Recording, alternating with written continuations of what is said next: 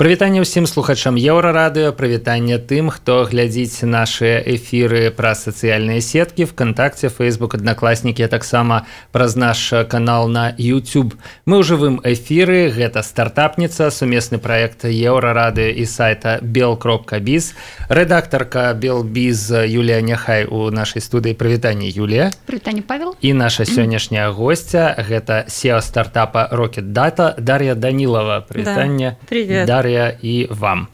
А, мы хацелі пачынаць пытання про то что это за такі стартап такого дзяжурного але у загаловак нашай праграмы мы вынеслі іншае пытанне. 500 тысяч долларов гэта для стартапа шмат ці мала. Звязана гэта з тым что на, на мінулым тыдні рокет дата закрыў сделку якраз на гэтую суму 500 тысяч долларов дар'я шмат гэта ці мала? І распавядзіце пра сделку что гэта было на самом деле это ни много и ни мало, это достаточно для того, чтобы э, ближайшие полтора года мы смогли выйти на те рынки, на которые мы хотим выйти, и дойти до тех KPI, с которыми мы будем претендовать уже на следующий раунд финансирования. Поэтому это ровно то, что нам нужно сейчас. То бок это гроши на развитие фактично. Это не некая вот уже откупная, да, Нет, да, конечно, это деньги на развитие.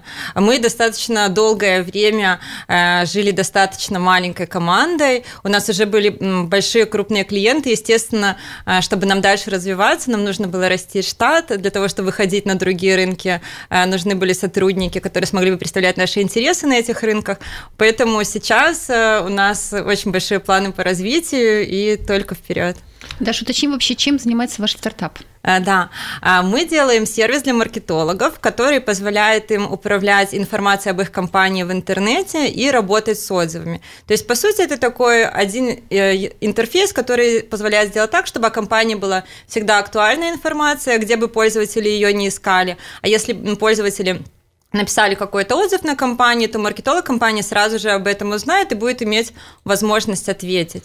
В основном нашим сервисом пользуются компании сетевые, то есть это не одна, один, одна или две торговые точки, а это там сети там, от 5, 10, 100, тысяча филиалов компании. Чем больше компания, тем больше пользы от нашего сервиса. То бок это як мінімум часткова такая вялікая пашуковая машина, якая скрыніць інтэрнэт на тэму того, дзе з'яўляецца назва кампаніі да, і адразу паведамляе маркетологам так этой компании про то что вот там да? Ну не, да, можно сказать и так, можно сказать и так. Мы работаем, правда, не со всем интернетом, а только с определенными площадками, то есть э, с картографическими сервисами, э, с бизнес-страницами в социальных сетях, с каталогами компаний. То есть если, допустим, на Тутбае выйдет статья про Еврорадио, а, то наша система не скажет, что вышла э, статья, но если кто-то на Фейсбуке или в Гугле, в Google картах напишет отзыв, то вы сразу же об этом узнаете. На Фейсбуке в аккаунте Еврорадио. Да, да, да. А, здаецца я прыдумаў яшчэ адзін стартап трэба Э, назву кампаніі э, гугліць паўсюль і паведамляць маркетолагам праводвікі на ўсіх пляцоўках каб яны маглі з імі працаваць да, я хочу немножко расстроить да этот стартап уже придумали э, да задолго до тебя и до этого эфира такие сервисы есть на рынке и они ищут то что называется уведомлениями ой не уведомлениями а упоминаниями то есть если кто-то написал тра та та та та та еврорадио там молодцы или не молодцы А дзе вы і як знайшлі такім чынам нішу? Бо мне здаецца што вось гэтыя сервісы якія шукаюць все э, згадкі яны нават больш шырэйшую працу робяць чым э, ваш стартап А, но на самом деле мы занимаемся не только сбором отзывов, это, ага. скажем так, вторая часть. Часто. А первая часть – это актуализация данных о компании в интернете. Потому что наверняка вы сталкивались э, с тем, что вы, допустим, посмотрели, хотите сходить там в кафе с вашей девушкой, посмотрели, что оно э, сегодня работает до 12, пришли, оказалось, что оно сегодня работает до 10 или вы там ищете э, э, какое-то кафе поблизости, оно на карте не нанесено, а вы приезжаете, оно уже давно переехало. На самом деле объем информации о компаниях в интернете неверный, просто огромный. Естественно, чем больше компания, рассмотрим там не просто кафе на улице, а какой-нибудь, э, допустим, Беларусь банк, у которого там несколько тысяч отделений. Естественно, они там каждый очень часто закрываются, меняют место место, где они находятся, номер телефона, там время работы перед праздниками. Э, всю эту информацию достаточно сложно uh-huh. отследить. И мы долгое время, вся наша команда проекта работала до этого на, в группе компании Тутбай, и мы же реализовали много проектов на внутреннем рынке. У нас до этого был самый большой проект, это каталог компании Тамбай. Э, мы работали над А Тутбай, Авто Тутбай, и мы начали искать, какие есть э, ниши на рынке, которых мы могли бы свои знания уже э, попроб- попробовать применить на глобальном рынке. Тому вы выросли с Тутбая, можно сказать так. Да, да. Угу. Вот. Мы сначала думали, что вот у нас есть каталог компании Тамбай, попробуем его открыть в других странах. Попробовали его открыть в Казахстане, очень у нас все как-то тяжело пошло. И мы поняли, э, что такие вот тяжелые традиционные бизнесы, их очень сложно открывать, они очень плохо масштабируются, нужно очень-очень много денег. И мы думали, что такое мы можем сделать, сидя в Беларуси, работая нашей белорусской командой, но чтобы пользователи у нас были по всему миру. И э, мы тогда уже думали, что ну и было, в принципе, видно, что все, что начинается на американском рынке, на английском рынке, оно там уже популярно, и до рынка там СНГ, Центрально-Восточной Европы, Азии, оно доходит где-то через 3-5 лет. И очень выгодно смотреть, какие тренды сейчас на западных рынках, и просто переносить это на наши рынки. Так, в принципе, можно ничего нават не придумлять. Просто як у савецкія часы у прынцыпе некаторыя музыкі да якія мелі выезд за мяжу там доступ да пласцінак замежных да яны просто маглі пераігрываць тое што на захадзе ўжо там адыгралі 5 гадоў таму да. это нечестно Э, но это честно, потому что э, вот э, в нашей сфере есть компании, которые работают, но они работают только на рынке США, Великобритании и Германии. И во всем остальном мире таких продуктов нету. И они никогда не выйдут в наши рынки, потому что им тут будет дорого, у них другой принцип работы и так далее. Но кто-то должен был сделать сервис для этих рынков. Мы разработали свою собственную технологию и сделали так, чтобы при намного более низкой стоимости потребители, у которых совершенно другой чек в наших странах, могли пользоваться этим продуктом. Бо гаворка ідзе не просто про некое ну, заимствование, да, про адаптацию. Ну да, можно сказать так. То есть наши сервисы э, аналогичные в США стоят где-то в 10-15 раз дороже, чем мы, потому что у них есть очень много там платежей посредникам, а мы делаем все сами, э, делаем ручные интеграции, как бы с каждым сайтом отдельно, любой даже э, с абсолютно небольшим там каким-нибудь областным сайтом мы можем легко сделать интеграцию и работать с ним. А колькі зараз людей у команде робяць усё сами? Э, сейчас у нас в команде 30 человек, где-то половина это отдел разработки и половина компании маркетинг, продажи. Угу. Я бы вернулся до сделки у да. 500 тысяч. С кем это была сделка и ну, не ведаю, ці доўга вы да яе шлі. Мне здаецца, што шмат для каго з тых, хто зараз пачынае сваю працу, працу над сваім праектам, гэта выглядае зараз як недасяжная мара, А вы кажаце, што это так. Ну, на кишенные выдатки. Нет, ну не, прям не совсем. Ну не на кишенные, ну ладно. Не, ну на самом деле шли достаточно долго. То есть это у нас уже второй раунд инвестиций. Mm-hmm. Сначала мы брали небольшую сумму у Тутбай для того, чтобы сделать самую минимальную версию продукта, и мы думали, что вот мы сделаем эту версию продукта, и дальше мы уже будем сами зарабатывать себе на развитие, никакие больше нам инвестиции не понадобятся. Но на самом деле мы сделали продукт, начали работать на рынке, мы поняли, что наши клиенты говорят, а мы еще хотим вот это, и вот то, и вот то, и вот то. А с тех денег, которые мы зарабатываем в текущем моменте, мы могли бы им это пообещать сделать только через три года. И никаких э, разговоров о том, чтобы сейчас сделать продуктом на польский рынок, на европейский рынок даже не было. Поэтому уже в конце весны прошлого года мы начали думать о том, что, наверное, нам нужен следующий раунд инвестиций. Вот, и я тогда ходила на несколько пич-ивентов, на конференцию Пандадока, на стартап батл, в котором мы победили э, летом, э, к белорусским бизнес-ангелам. И в итоге э, в нашем раунде участвовал российско-белорусский фонд венчурных инвестиций и несколько бизнес-ангелов – Э, кто-то из них является членами Angels Band, кто-то это просто люди, которые нам очень нравились, к которым мы сами пришли, сказали, ребята, давайте будем как-то ближе к друг другу, давайте вы станете нашими инвесторами. Яны змагаліся за вас паміж сабой ці атрымалася так што яны ўсе нейкім чынам по кавалачку гэтых інвестыцый да, да, клали, да. и атрымалася ў выніку 500 тысяч так Да, можно сказать ага. и так. У фонда было обязательное условие, чтобы 25% денег были частными, и мы составили себе список людей, с которыми, у которых мы хотели бы взять деньги из частных инвесторов, и я приезжала к каждому, рассказывала про проект, рассказывала про сделку и задавала один вопрос – Э, хочешь ты или не хочешь участвовать в сделке? Если да, то сколько тебе комфортно было бы э, дать нам инвестиции. Вот мы составили такой список людей, когда уже были конкретные условия сделки, а, мы там еще раз с ними со всеми созвонились и определились, сколько финально каждый человек вложит в нас денег. А сколько у вас человек было в пайплайне? Э, с кем я вела предварительные переговоры. Но я пробовала еще писать и инвесторам зарубежных рынков. Я пробовала общаться там с некоторыми российскими бизнес-ангелами, но в основном в итоге у нас оказались белорусские бизнес-ангелы, потому что все-таки Беларусь, проект, который из Беларуси для европейцев, он, ну, мне так показалось, что он э, казался чем-то очень экзотическим не, не могу сказать, что они прям там выстраивались в какую-то очередь, им было непонятно, и намного проще было найти общий язык с белорусами. Тем более, что нас на рынке уже очень хорошо знали, там и по Тутбаю, и по другим проектам, и скорее, может быть, деньги давали не только в сам проект, но как бы веря команде, потому что команда уже много сделала проектов на внутреннем рынке. Скажите, задать... Вообще вот, то, да, вообще то, что вот Даша говорит, это очень так важно, потому что, а, как я вот общаюсь часто с фаундерами, а, умение привлекать деньги – это очень важный навык и умение. Это холодный навык. Ха, ну, ну вопрос вопрос а, ну, вот... калі вось з гэтага ж пачыналася што калі ты робіш круты прадукт але ты не умеешь э, прыцягнуць грошы на яго развіццё все ну ты замкнулся тым что ты ну, робишь дело, что окей ты можешь деньги допустим уметь привлекать но при этом э, ты не можешь выстроить нормальный микроклимат в команде то ну, есть... тогда у тебя есть гроши. Даш, но тем не менее вопрос у меня такой э, вот как можно вот прокачать себе эти скиллы умение привлекать деньги? То есть ты как-то вот сознательно что-то делал или вот родилась таким умением? Вот Дай какой-то совет, может быть, начинающим стартаперам, а, что делать, как научиться.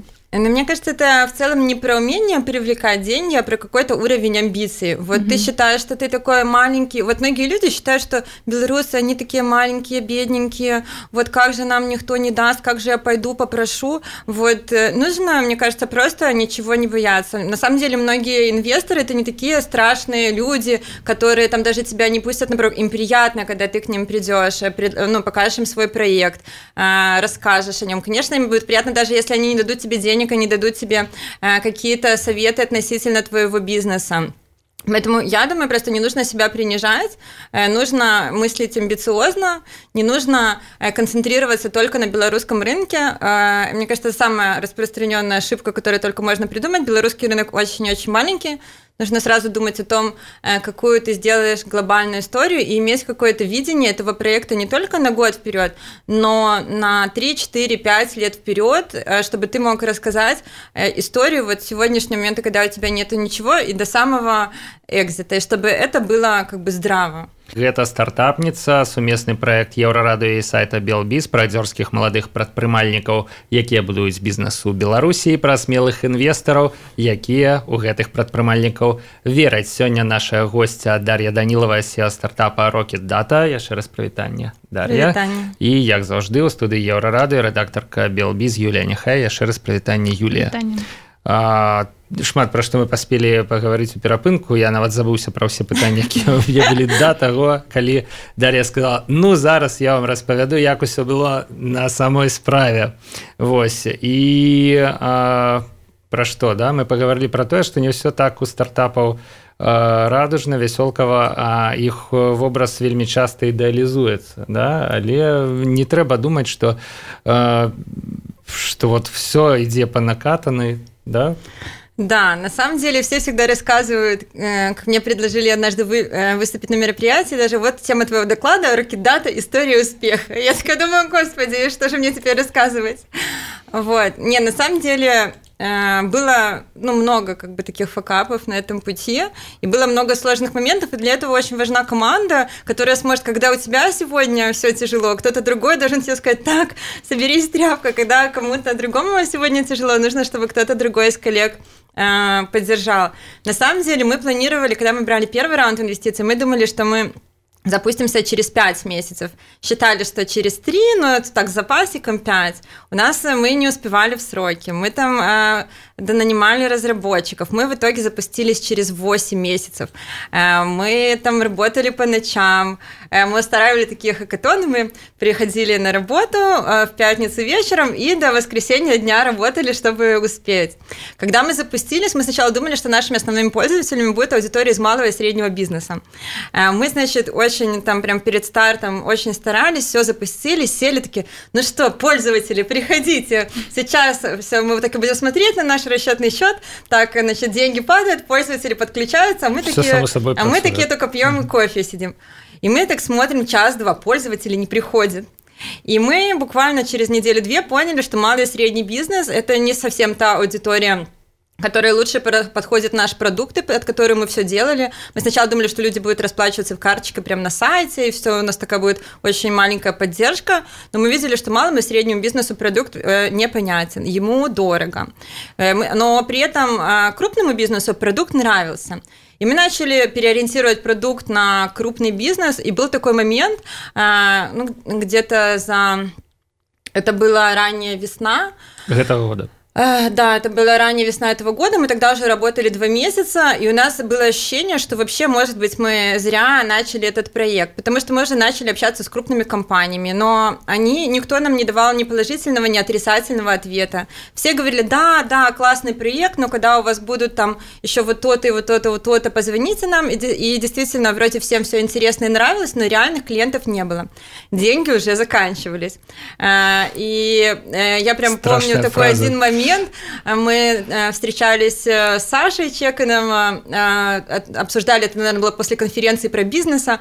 Он меня потом подвозил домой, и я просто уже села в машине и просто расплакалась. Говорю, Саша, я уже больше не могу, нету сил. Ну, может, мы вообще зря все это делаем? Как мы объясним это всем инвесторам? Но потом мы просто, мне кажется, самый главный урок, который нужно из этого вынести, что бывает сложно, но не нужно сдаваться. Мы просто попали в такую типичную яму стартапов, которые, тут даже есть такое понятие, кладбище B2B э, стартапов. Э, Это э, стартапы, которые ориентируются на средний и крупный бизнес, у которого достаточно долгий цикл принятия решения. Они могут принимать решения 2, 3, 4 месяца, Только полгода, год. Покуль там Да. все вот так вот пройдет. И ты, вроде, ты работаешь, у тебя уже есть затраты, но у тебя абсолютно нету доходов. И в этот момент главное просто продолжать делать то, что ты делаешь, и все получится. Колькі трэба закладаць не ведаю падушку бяспекі вот вот на гэтую працу Всегда говорят, что надо м, увеличивать в два раза. да? Инвестиции в два раза, и сроки в два раза. Все в два раза. Ну я маю на увазе вот э, калі вы пачалі працаваць і да моманту пакуль э, з'явіўся ну першы рэальны вялікі кліенты калі вы зразумелі што вот все перамога А, но у нас были крупные клиенты, просто их было недостаточно, э, но где-то полгода. То бок, Э, э, Вот полгода можно работать, чем больше компания, тем дольше она принимает решения. адразу запускаючы прадукт ну нават пачынаючы працу трэба планаваць што яшчэ паўгода пасля того як вы яго запусціце да у вас мусіць быць нейкі рэзерв псіхалагічны Да. матэрыяльны да э, с- к- казаць сабе упэўнена што все ідзе як трэба хаця здаецца што не да вот так вот На самом деле, мне кажется, вот э, существуют две абсолютно полярные точки зрения в мире стартапов по этому вопросу. Есть часть э, менторов, которые говорят, стартап должен быть таким очень гибким, он должен постоянно общаться с клиентами. Если что-то пошло не так, сразу нужно делать пивот, менять бизнес-модель и вот так вот лавировать и постоянно адаптироваться к окружающей среде. А есть другие, которые говорят, у SEO стартапа должна быть сила воли, чтобы несмотря на то, что у него будет не получаться, он должен идти до конца. И на самом деле это полная противоположности, и никто не знает, как должно быть правильно. Но у нас скорее какой-то второй вариант про то, что мы знаем, что такие продукты популярны э, на развитых рынках, и нету никаких преград, особенно если мы в него верим, для того, чтобы что-то не получилось тут. Поэтому просто на силе воли мы это все вытащили в какой-то момент. то бок адні кажуць э, калі нешта не працуе адразу пачынаеце мяняцца іншыя кажуць калі нешта не працуе спакойна это не справа не ў вас Ну, не всегда так, но что у SEO должно быть видение, от которого он не должен отклоняться. Если он в это верит, он должен продолжать делать то, что он делает. Но тем не менее, сколько вот вы, э, сколько времени у вас заняло нащупать нынешнюю вот вашу бизнес-модель, то есть тоже уточни, как вы монетизируетесь, и вот, э, вот эта вот стратегия, она ведь тоже довольно-таки такая все-таки подвижная. Но ну, нельзя сказать, что мы уже окончательно нащупали. Постоянно мы что-то улучшаем, меняем и так далее. А наша бизнес-модель – это плата за подписку, то есть мы продаем лицензии на пользование нашим программным обеспечением там на год вперед, то есть годовые лицензии. Вот. И мы постоянно-постоянно что-то меняем. Сейчас у нас бизнес-модель, которая ну, лучше всего для рынка СНГ, но мы думаем, что, возможно, когда мы пойдем там в Латинскую Америку или в Центральную Восточную Европу, возможно, нам нужно будет строить по-другому свои продажи. Скорее всего, мы не сможем продавать из Беларуси, скорее всего, нам нужны будут а, какие-то партнеры в каждой стране. Это все очень, очень индивидуально. Либо штат сейлс-менеджеров, маркетологов в конкретных точках, как вот часто работают тоже B2B стартапы. Ну да, но, наверное, свой собственный штат больше подходит уже компаниям, которые точно поняли, что на этом рынке они будут э, долго укореняться, и на какой-то первый этап исключительные соображения экономии, мы думаем, что мы не будем сразу открывать офис, а потом смотреть, пойдет у нас на этом рынке, не пойдет. Лучше сначала найти партнера или продавать из Беларуси, иногда туда летая, чтобы быть уверенным. Потому что все-таки у белорусских стартапов, в отличие от многих американских стартапов, все-таки меньше доступ к капиталу и такого, что ты, а, э, ну, как бы у тебя очень большой финансовый простор для экспериментов, такого нет. Мы когда собирали деньги, мы говорили, 500 тысяч долларов, куда мы их потратить? Такие огромные деньги. Нам тоже сначала казалось, что очень огромные. А потом, когда ты начинаешь считать, ты понимаешь, что на самом деле э, нужно ко всем тратам с очень большим умом подходить для того, чтобы в этот бюджет смочь как бы выполнить ожидания инвесторов и потом привлечь следующий раунд. А на какой, на какой срок у вас рассчитаны эти инвестиции? Ну, мы планируем через год-полтора уже привлекать следующий раунд. Mm. А у меня вот еще такой вопрос. Вот э, мы много говорим, стартапы, стартапы. А почему вот ты хотела именно сделать стартап? То есть вот у тебя нет вообще какого-то такого чувства, что э, ну ты же мой, мой ребенок практически, да? То есть э, чем плохо иметь хороший, устойчивый, крупный бизнес, например? То есть ты уже сейчас, вот, кстати, когда мы общались по поводу этой сделки с инвесторами, они отмечали, что а, особенность такая очень хорошая Даши, это для Паши я говорю, для наших и для слухачов. слушателей, конечно, да. Потому что а, на нас чует, не треба забывать.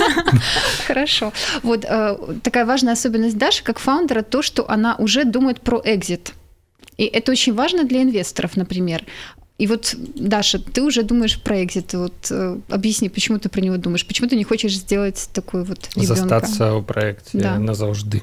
Ну, у меня уже просто была такая деточка, которая вот, которая назавжди. Э, мы, у меня есть э, первый мой самостоятельный проект вместе с Тутбаем. Это был каталог компании Беларуси Тамбай. Но в какой-то момент мы поняли, что делать что-то только на белорусский рынок – это очень тяжело, потому что, э, получая доходы с внутреннего рынка, ты никогда не сможешь делать очень крутой продукт, потому что у тебя мало денег, и ты должен всегда идти на какие-то компромиссы. То есть те потребители говорят, тебе, допустим, плохо работает поиск, а ты понимаешь, что ты просто никогда не окупишь его, если сделаешь его хорошим. Вот. И мы тогда поехали в поездку в Израиль, в стартап-туры, которые делает Женя Чернявская. И мы посмотрели просто какую-то другую реальность, где лю... Израиль тоже очень маленький, у него очень маленький внутренний рынок, но ребята ориентируются только на глобальный рынок, и на то, как за короткий срок сделать очень большую историю. И, в принципе, венчурный мир сейчас, ну, вот если посмотреть, сравнить, допустим, э, белорусский прибыльный бизнес и какую-то венчурную историю. Э, вот венч... стартапы в нашей сфере, они оцениваются при экзите в 5-15 выручек, такая в среднем оценка. Чтобы заработать такие же деньги, просто будучи очень операционно эффективным, это, ну, не знаю, это вся жизнь идет, и еще твои э, дети и внуки должны будут на этом зарабатывать. Поэтому история, чтобы сделать какую-то технологию, какой-то продукт и продать его большой компании, которая сможет увеличить доходы этого проекта за счет своих ресурсов там в десятки раз, это действительно, ну, это как-то привлекательная история. А, Дар'я, зараз будзе незручнае пытанне, скажу шчыра. Вось як вы думаеце, тое, што у вас ужо зараз укладаюцца расійскія інвестыцыі я так разумею что ёсць венчурны фонд беларуска-расійскі да. гэта не перашкодзіць вам э, рухацца на іншыя рынкі Таму что ну мы все разумеем палітычную сітуацыю зараз. Росія і увесь астатні свет яны спаборнічаюць паміж сабой хто на кого накладзе паболей санкцый да? Ну реально. Ну вот іншымі словамі так даходліва это і і не скажешь да? Вось ёсць у інвестараў за мяжой асцярожанасць наконт расійскіх грошай наконт расійскага ўдзелу Ну, мы об этом думали, и мы пересматриваем такую возможность, что если когда-то в будущем вдруг для нас это станет проблемой, мы всегда можем урегулировать этот вопрос с фондом. И мы сразу проговаривали такой сценарий, что если когда-то этот вопрос возникнет, то у нас есть сценарий нашего де- наших действий. Но в целом, если стартап сильный, если тебя хотят, если ты популярен, то это всего лишь как бы вопрос договоренности, как, э, вопрос того, как бы это все можно решить. Бок, э, на вашу думку, бізнес пераможа палітыку і калі ваш стартап будзе сапраўды патрэбны і зацікавіць гульцоў на захадзе ці на нейкім больш далёкім усходзе там ці на блізкім усходзе яны ну змірацца з тым што недзе там калісьці удзельнічаў расійскі капітал э, я думаю что да я думаю ну э, как бы санкции санкциями но весь мир все равно по по покупает там российский газ или российскую нефть есть какие-то есть интересы бизнеса есть политика ну, угу. мне кажется, что наша первоочередная задача это делать классный проект. Если у нас будет большая доля рынка, если у нас будет большое количество клиентов, никто не будет сам себе врагом и думать, так, э, что-то тут вот такой фонд, э, не будем тогда инвестировать в эту компанию. Будут сами потом себе локти кусать. Угу. А, а может тоже вопрос? Даша, мне а, вот любопытно, все ли инвесторы одинаково полезны? То есть вот когда вы выбирали, с кем вы хотите поработать, вот кто, кого вы готовы разрешить, чтобы вот вошел в вашу компанию, а кому вы вот понимали, что все-таки нет? По каким критериям? Так выбирали вы, ці просто склали список усіх? Нет, и... они выбирали, в том-то О. и дело. То есть ну да, мы выбирали. Нам было интересно, чтобы инвесторы, с которыми мы работаем, у них были компетенции именно в нашей сфере. Нам важно было, чтобы у человека был хотя бы какой-то опыт венчура или какой-то международной IT-компании, чтобы мы разговаривали примерно на одном языке, потому что а, идеи, когда в себя инвестируют какие-то ребята с очень реального сектора, которые очень хорошо разбираются в заводах и пароходах, но венчурный мир, он немножко другой, и не стартап должен первым объяснять, э, ну, как бы правила игры на этом рынке. А, мы искали изначально ребят, которые смогут нам быть полезны в дальнейшем, которые смогут или помочь с какими-то определенными технологиями, или с опытом на других рынках. Но э, какой-то был достаточно, не знаю, ну, несерьезный отбор, но мы ходили к тем людям, с которыми мы сами хотели бы работать. Ну и с кем, с кем происходила какая-то химия, потому что тебе с этими людьми еще очень-очень долго жить, и с ними должно быть комфортно, нужно им доверять. И, э, ну, то есть э, очень много все равно на каком-то доверии, на каких-то человеческих ценностях и принципах держится. Бок гэтыя людзі будуць радавацца вашим агульным поспехам, але тлумачыць ім няўдачы Это будуць ваши неудачи асабістыя і давядзецца нейкім чынам все ж таки з імі высвятляць адносіны хутчэй за ўсё. Таму трэба прыглядацца да чалавечых якасцяў. Ну, может быть но мы не рассматриваем сценарий что нас будет неудача ну мы ж все разумеем у прынцыпе рэалісты что все магчыма правда? Но в целом, да, были даже люди, которым я на встрече говорила, что вы же понимаете, что это стартап. Те, у меня были... Я заканчивала MBA в Минске, и некоторые мои одногруппники хотели, допустим, инвестировать. Я говорила, ребята, ну вы же понимаете, что это не, это не, это не банковская инвестиция, это не инвестиция в фондовый рынок. Вот если вы хотите дать мне эти деньги, я хочу получить от вас четкое понимание, что вы вот готовы, и вы понимаете, что если они к вам не вернутся никогда, Э, то вы будете себя очень спокойно чувствовать, и это никак не повредит нашей жизни. Вот если вы можете честно сказать, что я понимаю, что это вот такая вот инвестиция, которая может никогда ко мне не вернуться, и мне, я не испытываю вообще никаких эмоций по этому поводу, тогда да, наверное, стоит. Если какие-то эмоции есть, какие-то есть очень серьезные ожидания, я не хочу, чтобы кто-то сидел и потом смотрел на меня, так заглянул мне в глаза, говорил, ну что, Даша, ну когда экзит? Да. Ну давай, ну мне тут квартиру строить, ну что, может быть, может быть уже в этом году. iPhone нема чем платить, да, ну да, давайте да, уже, да. давайте. Так, широко скажу, что у нас засталась одна хвіліна ў эфіры Юля ці ёсць я могу сказаць а апошняе пытанне тады і яно таксама важнае вот па выніках гэтых перамоваў ці адмовілі вы каму-небудзь і ці шмат людзей адмовіла вам?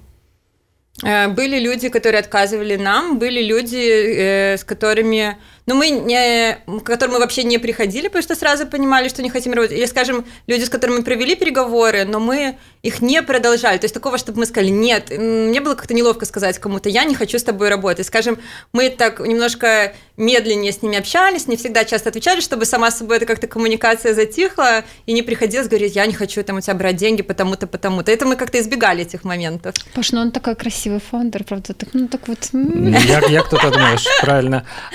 Сябры, у нас сёння ў стартапніцы абсалютна цудоўны прыклад.